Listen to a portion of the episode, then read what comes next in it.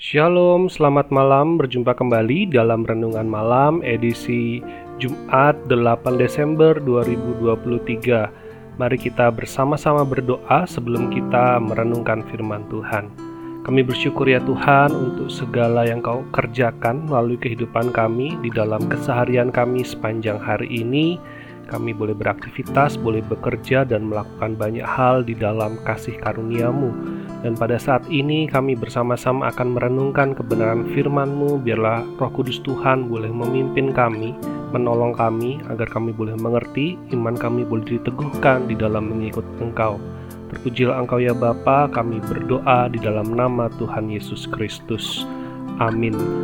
Mari bersama-sama kita melanjutkan perenungan kita dari Injil Lukas pasal 23. Seluruh sidang itu berdiri, lalu membawa Yesus ke hadapan Pilatus. Di situ mereka mulai menuduh dia. Mereka berkata, "Kami dapati orang ini menyesatkan rakyat. Ia menghasut orang supaya jangan membayar pajak kepada kaisar, sebab katanya ia adalah Kristus, seorang raja." Lalu Pilatus bertanya kepada Yesus, "Betulkah engkau raja orang Yahudi?"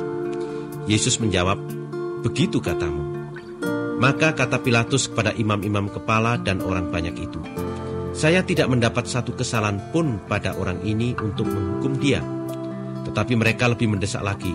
Dengan pengajarannya, ia menghasut orang di seluruh Yudea. Mula-mula di Galilea dan sekarang sudah sampai pula ke sini. Ketika Pilatus mendengar itu, ia bertanya, "Apakah orang ini orang Galilea?" Setelah diberitahu bahwa Yesus berasal dari daerah yang berada di bawah kekuasaan Herodes, Pilatus mengirim Yesus kepada Herodes, yang ketika itu berada juga di Yerusalem.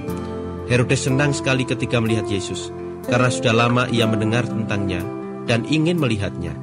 Ia mengharap dapat menyaksikan Yesus membuat keajaiban.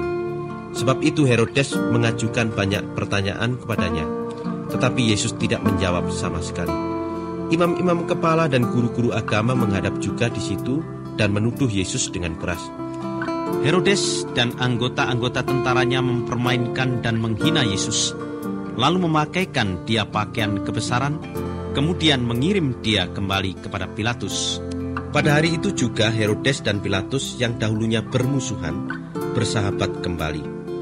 Pilatus mengumpulkan imam-imam kepala, para pemimpin dan rakyat, lalu berkata kepada mereka, Kalian membawa orang ini kepada saya dan berkata bahwa ia menyesatkan orang-orang. Sekarang di hadapan kalian saya sudah memeriksa dia, tetapi saya sama sekali tidak mendapat satu kejahatan pun yang kalian tuduhkan kepadanya. Begitupun pendapat Herodes, sebab ia juga sudah mengirim Yesus itu kembali kepada kami. Orang ini tidak melakukan sesuatu pun yang patut dihukum dengan hukuman mati. Karena itu, saya akan mencambuk dia kemudian melepaskannya. Pada setiap perayaan Paskah, Pilatus harus melepaskan seorang tahanan untuk rakyat. Semua orang yang berkumpul di situ berteriak, "Bunuh dia! Lepaskan Barabas untuk kami." Barabas dipenjarakan karena pemberontakan yang terjadi di kota dan karena pembunuhan. Pilatus mau melepaskan Yesus, sebab itu ia berbicara sekali lagi kepada orang banyak itu. Tetapi mereka berteriak, "Salibkan dia! Salibkan dia!" Lalu untuk ketiga kalinya Pilatus berseru kepada mereka, tetapi apa kesalahannya? Saya tidak mendapat satu kesalahan pun padanya yang patut dihukum dengan hukuman mati. Saya akan mencambuk dia lalu melepaskannya. Tetapi mereka terus berteriak sekuat tenaga bahwa Yesus harus disalibkan. Dan akhirnya teriakan mereka berhasil. Maka Pilatus menjatuhkan hukuman mati atas Yesus sesuai dengan kemauan orang-orang itu. Dan melepaskan orang yang mereka minta, yaitu orang yang dipenjarakan karena pemberontakan dan pembunuhan. Kemudian Yesus diserahkannya kepada mereka untuk diperlakukan semau mereka. Maka Yesus pun dibawa oleh mereka. Di tengah jalan, mereka berjumpa dengan seorang yang bernama Simon, yang berasal dari Kirina, yang sedang masuk ke kota. Mereka menangkap dia, lalu memaksa dia memikul kayu salib itu di belakang Yesus. Banyak orang turut berjalan di belakang Yesus. Di antaranya ada juga beberapa wanita. Wanita-wanita itu menangisi dan meratapi Yesus. Tetapi Yesus menoleh kepada mereka dan berkata, wanita-wanita Yerusalem, janganlah menangisi aku, tangisilah dirimu sendiri dan anak-anakmu. Sebab akan datang waktunya orang akan berkata, alangkah beruntungnya wanita-wanita yang tidak pernah mengandung, yang tidak pernah mempunyai anak dan tidak pernah menyusui bayi. Pada waktu itulah orang akan berkata kepada gunung-gunung, timpalah kami, dan kepada bukit-bukit timbunilah kami. Sebab kalau terhadap kayu yang masih hidup, orang sudah berbuat seperti ini, apa pula yang akan dilakukan mereka terhadap kayu yang sudah kering? Ada pula dua orang lain, kedua-duanya penjahat yang dibawa mereka untuk dihukum mati bersama-sama dengan Yesus. Ketika sampai di tempat yang disebut Tengkorak, mereka menyalibkan Yesus dan kedua penjahat itu, seorang di sebelah kanan dan seorang lagi di sebelah kiri Yesus. Lalu Yesus berdoa, Bapa, ampunilah mereka. Mereka tidak tahu apa yang mereka buat. Pakaian Yesus dibagi-bagi di situ di antara mereka dengan undian. Orang-orang berdiri di situ sambil menonton. Sementara pemimpin-pemimpin Yahudi mengejek Yesus dengan berkata, "Ia sudah menyelamatkan orang lain. Cobalah sekarang ia menyelamatkan dirinya sendiri, kalau ia benar-benar raja penyelamat yang dipilih Allah." Prajurit-prajurit pun mengejek dia. Mereka datang dan memberi anggur asam kepadanya, serta berkata, "Kalau engkau raja orang Yahudi, selamatkanlah dirimu." Di sebelah atas kayu salib Yesus tertulis kata-kata ini, "Inilah raja orang Yahudi." Salah seorang penjahat yang disalibkan di situ menghina Yesus. Ia berkata, "Engkau raja penyelamat, bukan? Nah, selamatkanlah dirimu dan kami." Tetapi penjahat yang satu lagi menegur kawannya itu, katanya, Apa kau tidak takut kepada Allah? Engkau sama-sama dihukum mati seperti dia. Hanya hukuman kita berdua memang setimpal dengan perbuatan kita. Tetapi dia sama sekali tidak bersalah. Lalu ia berkata, Yesus, ingatlah saya kalau engkau datang sebagai Raja.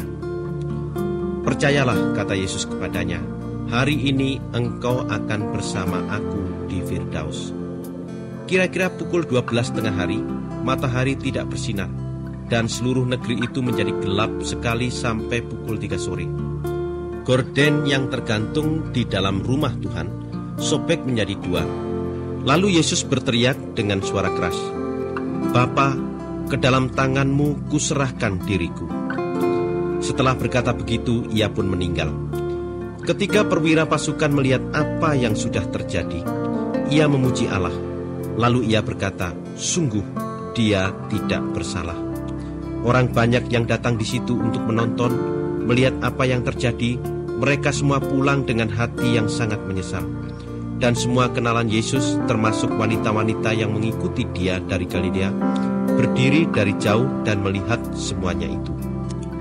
Ada seorang bernama Yusuf yang berasal dari kota Arimatea di negeri Yudea ia seorang baik yang dihormati orang dan yang sedang menantikan masanya Allah mulai memerintah sebagai raja. Meskipun ia anggota mahkamah agama, ia tidak setuju dengan keputusan dan tindakan mahkamah itu. Yusuf ini pergi menghadap Pilatus dan minta supaya jenazah Yesus diberikan kepadanya. Kemudian ia menurunkan jenazah Yesus dari kayu salib, lalu membungkusnya dengan kain kafan dari linen Sesudah itu, ia meletakkannya di dalam kuburan yang dibuat di dalam bukit batu. Kuburan itu belum pernah dipakai. Hari itu, hari Jumat dan hari Sabat hampir mulai. Wanita-wanita yang datang dengan Yesus dari Galilea mengikuti Yusuf dan melihat kuburan itu. Mereka melihat juga bagaimana jenazah Yesus diletakkan di dalam kubur. Kemudian mereka pulang lalu menyiapkan ramuan-ramuan dan minyak wangi untuk meminyaki jenazah Yesus. Pada hari Sabat, mereka berhenti bekerja untuk mentaati hukum agama. Kita semua tahu bahwa Yesus mati di kayu salib, dan Lukas secara detail menunjukkan pada kita bahwa kematian Kristus bukanlah sebuah dongeng atau mitos belaka kematian Yesus Kristus adalah fakta sejarah yang bisa dipastikan kebenarannya. Lukas mencatat dengan jelas nama dari petinggi pemerintahan saat itu. Ada Pontius Pilatus sebagai wali negeri pemerintahan Roma dan juga Herodes sebagai raja di Yerusalem. Ini menunjukkan bahwa kematian Yesus bukanlah suatu kebetulan yang terjadi karena amukan massa. Kematian Yesus adalah suatu ketetapan hukum yang diputuskan oleh pemerintahan yang sah pada masa itu. Yesus yang tidak ditemukan kesalahannya oleh Pontius Pilatus dijatuhi hukuman yang paling keji. Salib adalah penderitaan, salib adalah kutukan, salib adalah yang pantas diterima oleh penjahat yang paling jahat. Yesus menerima hukuman salib itu. Sekali lagi, bukan sebuah kebetulan tetapi merupakan penggenapan akan firman Tuhan yang telah Tuhan janjikan melalui nabi-nabi Perjanjian Lama. Yesus adalah puncak penggenapan dari janji Allah, janji akan juru selamat bagi manusia berdosa. Seharusnya kita, orang-orang berdosa inilah yang mendapatkan kutukan kita orang-orang berdosa yang seharusnya mendapatkan penderitaan, kita orang-orang berdosa yang seharusnya mendapatkan maut, hukuman di neraka. Tetapi Yesus yang tidak bersalah, Yesus yang sama sekali tidak berdosa, rela menerima hukuman itu bagi kita, sehingga kita yang berdosa ini diselamatkan, kita yang berdosa ini diampuni dan mendapatkan damai sejahtera bersama dengan Bapa di surga. Di momen Natal ini saya mengajak kita untuk mengingat kembali makna sukacita kedatangan Kristus bagi kita.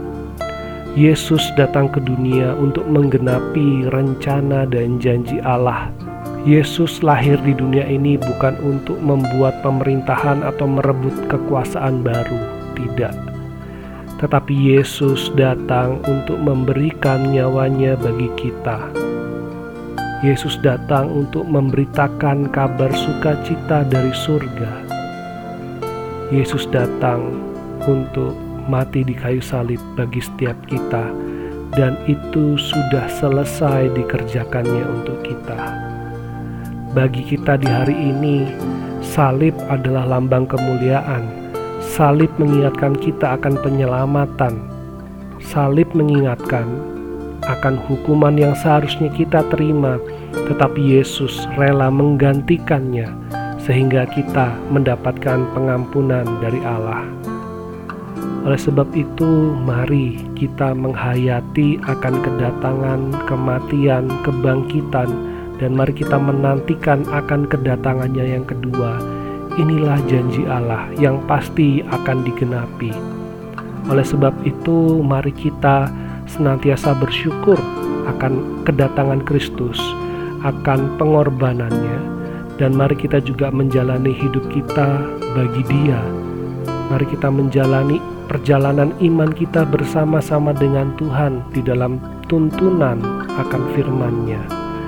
Biarlah kehidupan kita boleh kedapatan sebagai kehidupan yang setia, yang berkenan di hadapan Tuhan, dan biarlah anugerah Tuhan yang senantiasa menguatkan dan memampukan kita untuk menjalani akan keselamatan yang sudah kita terima di dalam iman kepada Yesus Kristus.